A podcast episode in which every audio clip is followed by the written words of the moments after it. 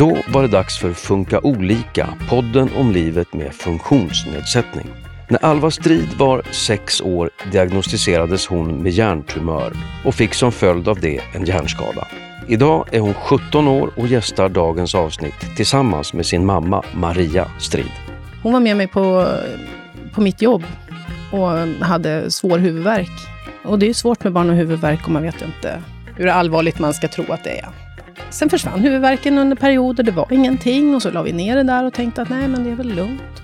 Sen skulle vi till barnavårdscentralen på, på fem och ett halvt års kontroll. Och då upptäcktes det att hon inte såg på det ena ögat lika bra som på det andra. Nej, men jag påverkas en hel del. Man påverkas mycket i skolan, det är mycket folk. Eftersom jag har ett halvt synfält. Så det är jobbigt när det kommer mycket folk och folk kommer snabbt in framför och man hinner inte se alla. Så det blir ansträngande att hålla koll på. Ja, välkomna till tredje och sista avsnittet om förvärvad hjärnskada. Den här gången om hur livet påverkas när man får skadan som barn. Hej Alva Strid! Hej! Du är 17 år, bor med din mamma och pappa och går andra året i gymnasiet. Det stämmer precis. Hej också Maria Strid. Hej! Du är mamma till Alva. Ja, det stämmer. Och hej Marie-Louise Kunkel. Ja, hej. Du är specialpedagog på Hjärnteamet Barn. Ja. Och jag heter Susanne Smedberg. Alva, du var sex år när du diagnostiserades med hjärntumör. Ja. Och eh, under lång tid nu har du levt med sjukdom och behandling. Ja. Hur mår du idag? Idag mår jag enligt mig ganska bra. Eh, betydligt bättre än vad jag har gjort i andra perioder. Och hur kan en dag se ut för dig? Nu går jag i skolan, eh, vilket jag inte i alla perioder har kunnat gjort som, ja, som vanligt enligt med mina perspektiv. Eh, så att jag går i skolan så mycket som jag orkar och ja, har schema så att jag ska orka med att vara i skolan. Vad är det för skola du går i? Jag går i en gymnasieskola och går en utbildning till kock. Eh, om vi backar tillbaka lite i tiden, när du var barn och eh, man upptäckte att du var sjuk helt enkelt. Vad minns du själv från den tiden? Jag minns inte mycket alls av tiden då jag har varit sjuk, eftersom jag var så pass liten. Förutom, ja, for runt mycket mer, alltså mycket mer, vad ska man säga, klätterapa. For runt när jag var liten och att det kanske förändrades i och med att jag varit opererad och varit sjuk, att jag varit Mer stilla? Ja, ja, mer stillasittande, mer ja, lu- lugnare. låt. Jag vänder mig till dig då, Maria. Hur upptäckte man att Alva hade hjärntumör? Vad hände under den här tiden? Jag kommer ihåg att vi sökte flera gånger till, via akuten, men jag kan inte riktigt påminna mig om vad vi sökte för. Jag vet att jag var upp till vårdcentralen och att vi tog ett stick i fingret, för jag misstänkte att Alva kanske hade diabetes. Hon har kusiner som har diabetes. Och varför trodde du att hon hade diabetes? Ja, men hon var trött, tror jag. Mest att det var. Sen, eh, ja, vad var det mer? Hon var med mig på, på mitt jobb och hade svår huvudvärk. Och det är svårt med barn och huvudvärk och man vet inte hur allvarligt man ska tro att det är. Sen försvann huvudvärken under perioder, det var ingenting och så la vi ner det där och tänkte att nej, men det är väl lugnt. Sen skulle vi till barnavårdscentralen på, på fem och ett halvt års kontroll. Och då upptäcktes det att hon inte såg på det ena ögat lika bra som på det andra. Och då var det flera omgångar där, där vi fick komma tillbaka och testa synen igen, för de trodde att hon kanske inte orkade. Så, så sökte vi själva ögonläkare. Och de förstod ju på en gång att det var något som inte stod rätt till. Så då var det väldigt snabba puckar. Med datortomografi och magnetkamera. Och bestämt att det skulle bli operation. Och gick väldigt snabbt. Fick ni någon eh, hjälp eh, för detta och hantera det här? Det måste ha varit eh, ett, ja, mycket oro och chock. Det var ju bra människor runt omkring oss på, på Astrid Lindgrens barnsjukhus, på onkologen där. Så det, det kändes som att vi hade folk att prata med då och som förklarade. Och jag, men jag vet att, att jag åtminstone på en gång när jag förstod var tumören satt någonstans, att det skulle inte vara något vi skulle bli av med så lätt, utan att det skulle vara att det skulle följa med i många år, för den satt så illa till. Väldigt centralt inne i hjärnan mot hypofysen. Och hur har det blivit då, om man tänker sig de närmaste åren efter det? Du sa att du förstod att det skulle bli allvarligt, men eh, någonting kunde man ju ändå göra. Ja, ja. Det har varit en väldigt stor operation som väl tog 12 timmar. Jag har aldrig promenerat så mycket i hela mitt liv som vi gjorde då. Sen bedömde de att det inte behövdes någon cytostatikabehandling på en gång, så att Alva hann ju börja på sexårsverksamhet och gå två månader eller något innan det började.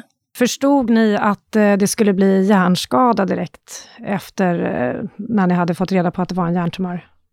Eh, jag vet inte vad jag ska säga. Alltså, allting verkade ju så bra med alla undersökningar som du gjorde på Alva. Och det här med hjärntrötthet och att det kunde bli problem i skolan och sånt där, det var lite, det var lite abstrakt på något vis. Det var inte riktigt...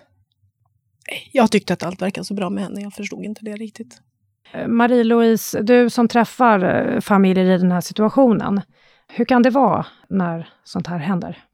Eh, ja, jag tänker det som Maria beskriver här, alltså det, det är en livskris. Alla, hur, hur det än är runt omkring en, så, så hamnar man i en livskris. Vad gör man då? Alltså vad får man liksom för uppbackning från vården för att kunna komma igenom det här? Jag tänker att det är skönt att höra det här med att det var Maria upplevde det, att hon fick ett bra stöd. Det, det ser ju olika ut hur man upplever det, vad man är mottaglig för och vad man har för nätverk runt omkring sig.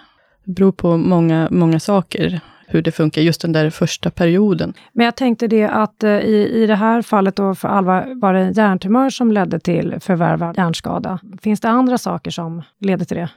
Alltså just eh, hjärntumör, om vi säger det, som grupp så, så är det den största gruppen som har kontakt med oss. Eh, sen så finns det ju andra som har drabbats av en traumatisk hjärnskada och man kanske har ramlat ner från en klätterställning eller varit med om en trafikolycka eller andra saker som kan uppstå. Eller att man har drabbats av en infektion, och TBE och, och så vidare. Men hjärntumör är ganska vanligt? Det, det är vanligt, alltså en vanlig grupp hos oss, då, eh, största gruppen.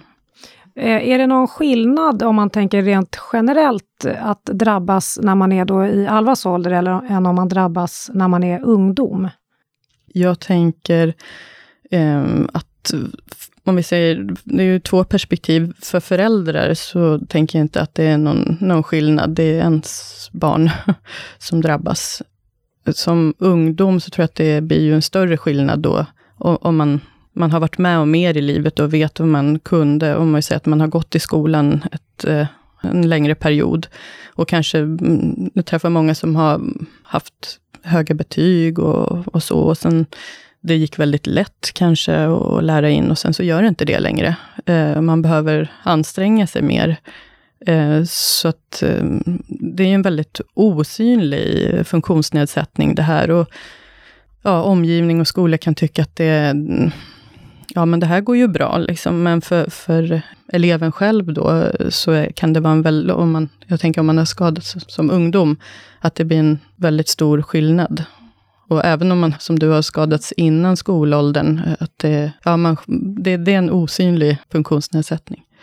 Nu nickar du här, Alva. Jo, men det är svårt att få både vuxna och klasskamrater och ja, men alla man umgås och förstå eh, att man blir trött. Ja, men det blir ju alla. Folk förstår inte. Ja, man pratade, ja, nu när jag skulle börja, man ska få ett nytt skåp. Ja, men jag vill gärna ha ett skåp åt sidan för man ska inte behöva stå och knuffas med alla. Och, ja, väldigt många som tar stor plats och man har ingen förståelse eller tänker inte på det. Även om jag har ja, kompisar jag har berättat det där för tio gånger så förstår de inte. Men kommer man med en bruten arm så förstår man att man kan inte knuffas och... Hur gör du för att hantera det då? Ja, men det är mycket det där med skåp, ja men då tar man, försöker man få ett hörnskåp. Att man liksom drar sig åt sidan och de man är med mycket kan man ju säga till. Men tänk på att, jag, att det där inte funkar eller de man umgås med kanske man tjatar lite extra på att tänk på det där för att det där funkar inte eller vad kan man göra i sådana situationer för att folk ska förstå utan att man ska behöva upprepa hela tiden? Det, det, det, behövs ju upprepning hela tiden. Eh, jag tänker som klasskompisar, alla är ju mitt i, i sitt liv, eh, så att man behöver ju hela tiden vara på och påminna. Och jag tänker att det är bra om man kan vara så öppen som möjligt och säga, men det här funkar inte för mig och det här påverkar mig mycket och så. Så att de klasskompisarna också har en möjlighet att eh, hjälpa till. För eh, ja, men till exempel skolan som del av nätverket, så är det ju viktigt att man eh, återkommer hela tiden och, och, lyfter upp och pratar om situationen, hur är det nu? Det är de här sakerna som är svåra och mentala tröttheten som många kanske tror eh, på skolor att den ska försvinna om ett år eller så, men det gör ju oftast inte det. Jag tänkte höra med dig Alva, hur påverkas du av eh, hjärnskada? Hjärntrötthet är ett ord som ofta kommer upp. Nej, men jag påverkas en hel del. Man påverkas mycket i skolan, det är mycket folk. Eftersom jag har ett halvt synfält, så det är jobbigt när det kommer mycket folk och folk kommer snabbt in framför och man hinner inte se alla. Så det blir ansträngande att hålla koll på. Ja, åka kommunalt, buss, tunnelbana, folk som rör sig. Ljud blir jag också trött av när det skramlas och låter mycket. Och, Och vad händer då när du blir trött? ja, men man blir lite sänkt, jag blir lite stillastående. Lite, eh, det kan jag märka om jag är i köket, att när jag börjar bli trött så kanske jag inte känner mig trött, men jag blir lite passiv. Att jag, jag kommer liksom ingenstans. Även fast det kan vara att ja, men du ska gå och hämta det där. Ja, men det vet jag vart det är, men jag, att man liksom inte riktigt kommer framåt. Man är det så att kroppen lyder inte riktigt? Nej, det är lite, ja, jag kan inte förklara på något vet, men man blir lite handikappad, förlamad i kroppen. Liksom, att man inte riktigt kan ta sig för att göra det liksom så. Vad gör du då? då? Oftast om det går så pass långt så att jag har varit och håller på ett tag så att jag är så där, då är det oftast bara att åka hem. Det går inte att göra något snabbt så där så att det försvinner, utan är det något man ska göra i skolan som man måste vara med på, då får man gå och sätta sig eller ja, ta det lugnt ett tag och hoppas att det lugnar ner sig lite. Men annars är det oftast bäst då för mig att åka hem och slappa hemma och få släppa skolgrejerna liksom. Vi pratar skola här nu. Nu går du ju andra året i gymnasiet. Men hur har det varit i skolan genom åren? Nej men det har ju också varit det att jag har alltid varit, jag har alltid varit sjuk. Det är liksom, det har alltid påverkat. Man har varit borta i perioder, man har varit på sjukhus en gång i veckan, man tappar klass för att man är borta, man tappar i skolarbete, i ämnen. Jag var borta en gång i veckan i ett och ett halvt år. Då hade vi mattegenomgång på varje nytt kapitel. Då tappar man liksom matten på ett och ett halvt år. Nej, men liksom, man tappar så mycket för det så pass ofta. Och det finns liksom inget utrymme i skolan för att tappa dem så stora bitar, för det finns inget tillfälle att ta igen det. Har du fått anpassat skolan på något sätt för att eh, klara av den? Ja, jag anpassade väl i fyran, femman någon gång kanske. Sådär, och började ta bort ämnen och ja, anpassa efter hur schemat låg. Att, ja, men okej, jag läser inte SO för den börjar klockan två, då kommer jag inte orka det. Eh, eller, ja, man liksom fick ta bort, ja, delvis efter vad man tyckte att var kul att göra och delvis efter hur schemat låg. Jag tänker att jag var väl med sedan årskurs sex, tror jag, någon gång. Under den tiden som jag har varit med nu då, så har, tänker jag just det här anpassningar. Det har, du har behövt plocka bort fler och fler ämnen för Ja. att, att se att det ska funka för dig. Och att du Ja. ska... Jo, men det är mycket så. Och när man kommer tillbaka, speciellt efter sommarlov, så märker man det med alla lärarna att ja, men idag, nu ska vi hinna med det här och det här. Ja, men jag orkar inte ett ämne till bara för att jag är ett år äldre eller går en årskurs högre. Jag orkar lika mycket eller lite för det. Att man, folk fattar liksom inte att man går till en viss nivå, att det tar stopp där, utan ja, men nu går du i åttan, nu ska du hinna med det där också. Ja, men jag orkar inte det där, det kommer inte att funka. Har, har skolan varit tillmötesgående och hjälpsam, tycker du? Ja, det tycker jag, absolut. Om man bortser från själva skolarbetet, hur har det varit eh, med kompisar och sådär i skolan? Det har jag ju, grundskolan sista från sexan hade var jag väldigt lite med min klass. Satt mycket enskilt och jobbade för att orka med och klara av och hinna göra det. Gick på Alvikstrandsskolan när jag började sexan. Är det någon... Eh, Ja, det är en special Alltså, rehabiliteringsskola. en skolinriktad rehabilitering som man, man eh, kan få gå då en begränsad tid, i 20 till 30 veckor. Ja. Som inte alla som, som vi Nej. träffar går, men en Nej. del har gått där och du. Och då var ju jag där 20 veckor. Då tappade man klassen ännu mer på grund av det, fast det var skönt och bra på andra sätt. Men man tappar också, hur mer man är borta, vad man än gör, så tappar man ju klasskompisar. Orkade inte gå ner och vara med på rast och vara inne då. Då tappar man också klasskompisar. Alltså att det är mycket sådär att man inte är med hela tiden. Och att man tappar överlag, liksom så. hur eh, har du hanterat det? När jag gick grundskolan var jag, hade jag några speciella lärare som jag tyckte bra och funkade bra med. Som jag var mycket med och gick åt lunch med och sådär. Och sen var jag väl lite grann med klasskompisar, men det är inte mycket. Så det har mycket varit så med lärare och suttit ganska mycket själv också. Hur är det nu då? Nu har jag klasskompisarna betydligt bättre än vad jag väl har haft på många, många år. Och har klassen på ett helt annat sätt. Men det är lättare, för mig i alla fall har det varit lättare när man går gymnasiet. Och har en inriktning, av kock då. Då tänker man, ja men alla är intresserade av att laga mat, då är kök.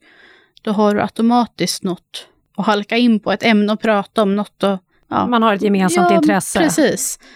Än en klass med alla möjliga och någon spelar hockey och någon rider. Ja, men det blir liksom så rörigt att hitta något att prata om.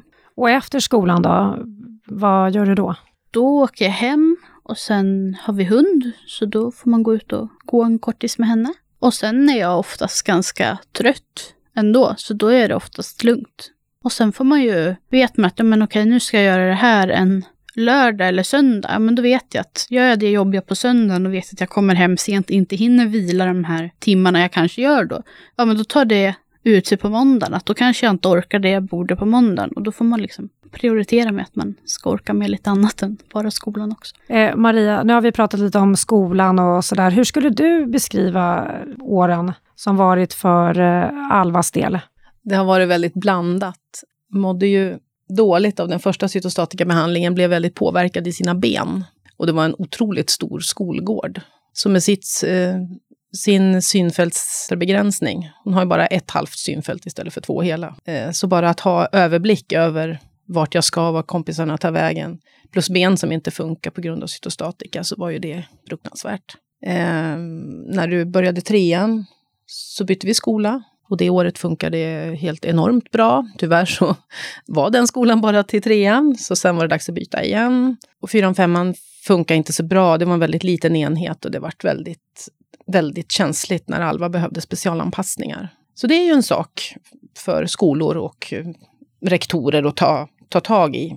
Att se till att det funkar även om det är en liten enhet. För här fanns det ju inte så många, så att när Alva behövde vara inne på rasten så var det, att det vart väldigt... Och ringde ju hem så jag fick komma och hämta henne för att hon inte... Jag fick inte stanna inne när de andra Nej. gick ner på rast. Mm. Så det var mycket sådana här fel saker som har satt in begränsningar ibland. Jag tänker det här som du nämnde tidigare här, att eh, föräldrar får rycka in, eh, ser ju också väldigt mycket att det, det, blir, det blir lösningen på det hela. Eh, så att många föräldrar eh, får göra jättekonstiga lösningar som eh, man inte borde behöva få göra. Och de flesta som jag träffar har inte rätt till den här eh, LSS-insatser, så att man kan inte få stöd från samhället heller. Det blir att föräldern måste vara hemma med ja, barnet. precis. Man klarar inte att vara på fritids, kanske på grund av mental trötthet. Eh, och man kanske inte har mor och farföräldrar som kan ställa upp. Eh, det är tufft för många föräldrar att klara den här situationen. Jag tänkte höra faktiskt lite med dig, Maria, hur det har varit för dig angående det som Marie-Louise säger här nu. Vi har ju ingen, ingen släkt i närheten, inga mor och farföräldrar och Mickes och mina mm, syskon bor inte heller här i närheten. Så att, för det första så tror jag att jag, när allt det här jobbiga hände, så stängde jag ute människor. Du orkade inte prata Nej. om det?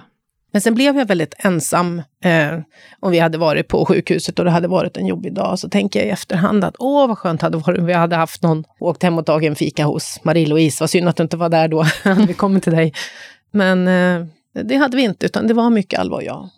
Hade vi haft en jobbig dag på sjukhuset så kunde vi åka till Heron City och så kollade vi om det gick någon rolig film och så gick vi på bio och sen åkte vi hem. Men vi var ganska, vi var en enhet, det var Mm, du och jag då. ja. Ja. Hur var det med jobb och så för dig? Vi mådde ju dåligt båda två, så jag har ju varit hemma väldigt mycket från jobbet. Hur har det fungerat då? Det var, ju, det var den bästa lösningen för mig då. För jag orkade inte vara på jobbet heller, för jag mådde inte bra och Alva mådde inte bra. Så det fanns ingen annan lösning som jag kunde se det då. Eh, nu är jag tillbaka på jobbet och det funkar bra. Och Alva mår bra i skolan och det blir det bästa för mig. tänker det här du sa att du eh, stängde av eh, i början. Hur är det nu? Då skulle jag inte sitta här om jag hade stängt av. Absolut inte, för jag pratade inte så mycket om det då. Vad var det som gjorde att du började prata om det sen då? Oj, ja, vad var det som fick mig att börja prata?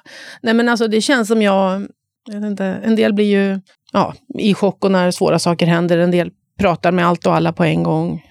Och det kändes som min reaktion den kom flera år senare. Jag stängde av för att orka, antagligen. Jag tänker att det här är något som drabbar både barn och eh, barnets familj. Och vad finns det för hjälp? Jag tänker i, när man har ett barn då, som i Marias fall, så blir man en väldigt viktig person. Eh, hur, vad får man för hjälp för att liksom själv orka med det här? Ja, hos oss så har vi ju ja, kurator och psykolog som både barn och ungdomar och föräldrar kan komma och prata med. Och eh, det finns olika sorters grupper. Vi har eh, kommit igång med en eh, grundkurs som vi nu eh, försöker hålla eh, kontinuerligt här. Och vad lär man sig på grundkursen? Ja, det, det, är ju kunskap om förvärvad hjärnskada. Och även som förälder, fast man är mitt i det, få en eh, förståelse. Och hur man kan påverka och vad man kan ta till ja, för skolan och i samhället och hemma. Jag tänker Maria, vad var det för stöd du känner att du hade behövt under den här tiden?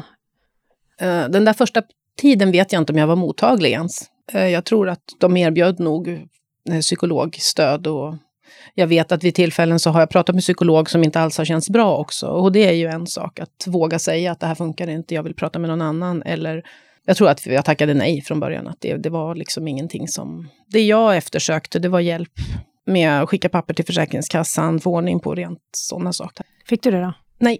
Nej, det, jag tänker att det, det är svårt att ta itu med alla vardagssakerna, allt som man måste göra. Och en, något som man kan söka, det är ju det här tidigare vårdbidraget, omvårdnadsbidrag heter det nu, från Försäkringskassan. Det, det är tufft att ansöka bara om det, för eh, de flesta då. Så att, eh, mm. Vi har ju berört ämnet lite grann, men just att det här det kan vara svårt för folk att förstå hur eh, svårt man har det. Hur är kunskapen och förståelsen när det gäller hjärnskada? Tänker från skola och det kan gälla också från Försäkringskassan. Förstår man behovet av stöd som då den här familjen kan behöva? Ja, för Försäkringskassan tänker jag, då, då bygger det oftast på ett väldigt bra läkarutlåtande som beskriver det, eh, den här osynliga funktionsnedsättningen. Det är svårt att ta på och mental trötthet eh, tänker jag är väldigt svårt för många att förstå. Alva, i skolan, om man är till exempel klasskompis, vad kan man göra för att vara, hjälpa dig? Ja, men mycket, om man då som jag har varit borta mycket, att man, man är borta flera gånger i veckan, att man själv känner sig osäker med sina klasskompisar, att man inte känner att man riktigt känner sina klasskompisar. Och att man själv, som jag då, att man inte vågar prata, inte säger hej kanske alla gånger i korridoren för att man känner sig osäker. Så väldigt mycket är det att man vågar, vågar säga hej, vågar prata. Jag har aldrig varit, tyckt att det har varit jobbigt att prata om det. Mer än den där frågan, hur är det? Är det så att folk är rädda för att fråga? Det är väldigt många som tycker att det är väldigt jobbigt att fråga. Antingen för att man kanske har någon närstående som är sjuk ja, bara för att man är rädd att personen ska ta illa vid sig eller sådär. Så det är väldigt många, både vuxna, och barn och ungdomar. De man kan få mest frågor av nu när man är lite äldre, det är ju nästan de som är yngre. Som vågar fråga något. Marie-Louise, jag tänker det, det är en osynlig funktionsnedsättning, samtidigt så kan det vara så att man eh, inte vågar prata om det. Hur hanterar man det här? Ja, man kan ju ta hjälp av eh, folk runt omkring. Och jag, jag tänker så här, Eh, någon gång har jag varit ute och informerat en klass, det var en årskurs femma, eh, en elev som ville det själv. Och det är ju oftast kanske inte att man vill berätta för hela klassen, man kanske vill möjligtvis berätta för de närmsta, så det, det kan ju se olika ut. Eh, eller man, eleven berättar själv för sin klass ibland, eh, att man hjälper till och skapa någon information, göra en powerpoint kan en del göra. Så vad man har varit med om för att skapa en förståelse. Eh, vad skulle du säga har varit det bästa stödet för dig? Det har nog varit... Det har varit mycket familj, alltså de man har nära sig så, överlag. Och sen att man har andra, många, flera av dem som är äldre än vad jag är, vilket jag alltid har passat bättre med de som är några år äldre än vad jag själv är. Eh, som också har haft ja, hjärnskada eller hjärntumör. Och att man har någon som på något vis har samma, hjärntumör kan ju vara på så många sätt, men man har lite förståelse. De flesta har blivit opererade, gått på cellgifter, man får någon biverkning, då förstår man varandra lite bättre. För det är mycket det där som Marie-Louise sa, man berättar för en klass och för en lärare, jag vet inte hur många gånger vi har haft sjuksköterska och bara pratat om det själva. Och sen så känns det ändå inte som att det är någon som ja, det går inte in eller man fattar inte. Eller, alltså, det är svårt för folk som inte är, är i det att förstå. Så att ta dem som är med om samma sak, men som kanske är friska eller som har jättestora men, betydligt större än vad jag har av det. Att någon att bolla med liksom. Att, hur har du upplevt det här? Eller vad har ni gjort? Eller.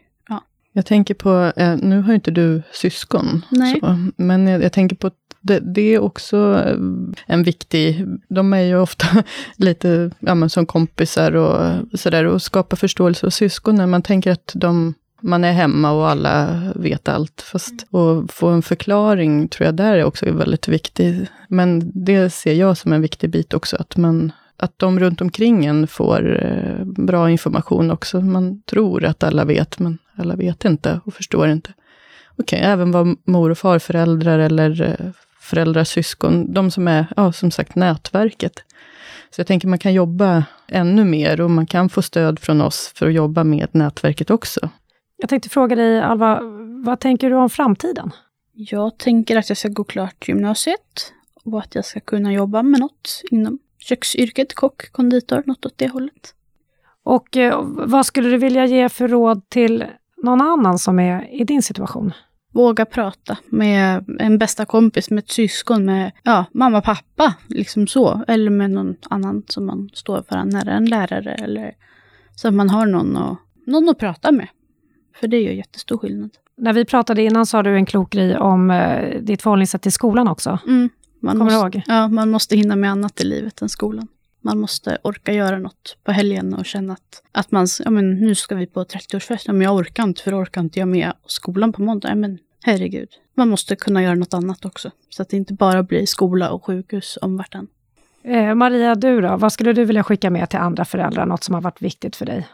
Ja, det jag kan hålla med Alva, att man ska våga prata om det. Jag gjorde ju inte det från början. Och sen när det var jobbiga perioder i skolan, när Alva inte ville komma till skolan ens, att ha, kräva att det finns trygga personer i skolan, trygga vuxna. En eh, kommunikation mellan hem och skola, en tät kommunikation, Ja. att det finns, som du säger, trygga personer och personer som, som man vet, vem är det som jag har kom, kontakt med? Allt för ofta som man blir hänvisade till alla olika personer som finns på skolan. Men det behöver vara en kanal in. Det tycker jag är en av de viktiga sakerna. Jag har också. ju sms-kontakt med den som du hade som mentor på högstadiet och Mm. din mentor nu och den har du ju mest kontakt med själv naturligtvis. Men, och täta, täta möten har vi ju fortfarande. Jag fick ju också väldigt bra hjälp av en kurator till sist som kunde hjälpa mig med min pappersarbete. så jag fick iväg mina papper till Försäkringskassan och, och så. Har du också haft kontakt med andra föräldrar i liknande situation? sent om sidor. Det finns ju ett, ett eh, nätverk för föräldrar till barn med hjärntumör. Vad heter det? Ja, vad heter det? Ja, det är väl genom Barncancerfonden. Det är genom Barncancerfonden. Så det, jag tror inte att det är något svårt. Så att om man går in på det. de- deras hemsida Ja. då, så eh, kan man leta sig fram där. Och eh, Marie-Louise, slutligen då, vad kan man göra för att det ska fungera så bra som möjligt? Vad är viktigt för de flesta? Och Att man får eh, bra information, kunskap, som ni pratade om här, bemötande. Ja, och när man har kunskap också, att man kan ta emot anpassningar, eh, vill ta emot det. Det är många som kanske inte vill ändra på saker, kanske i skolan eller hemma eller så. Men eh, ja, börja använda sig av kognitiva hjälpmedel, kognitivt stöd. Det låter kanske hemskt, men acceptans, tänker jag att okej, nu är det så här. Hur går vi vidare härifrån? Den här nya situationen. Och inte kolla bakåt hela tiden, utan kolla framåt. Och om man vill eh, ha hjälp av eh, dig och hjärnteamet Barn, hur gör man då? Ja, ibland så kommer ju en del på remi- remiss till oss. Det är väl den vanligaste vägen. Men man kan ju också ringa själv. Eller så kan man mejla också till vår funktionsbrevlåda. Då säger jag tack Alva Strid för att du kom hit idag och berättade om eh, dig och hur det har varit för dig. Tack! Och tack också Maria Strid för att du kom med idag. Mm, tack. Tack Marie-Louise Kunkel, specialpedagog på Hjärnteamet Barn. Och tack du som har lyssnat. Du har lyssnat på Funka olika, en podd från Habilitering och hälsa som är en del av Region Stockholm. Vill du lära dig mer om förvärvad hjärnskada? Lyssna då på vårt faktaavsnitt där våra experter förklarar hur funktionsnedsättningen påverkar de som drabbas. Det här var annars det sista avsnittet på temat förvärvad hjärnskada. Men vi är snart tillbaka med nya avsnitt. Vi hörs då!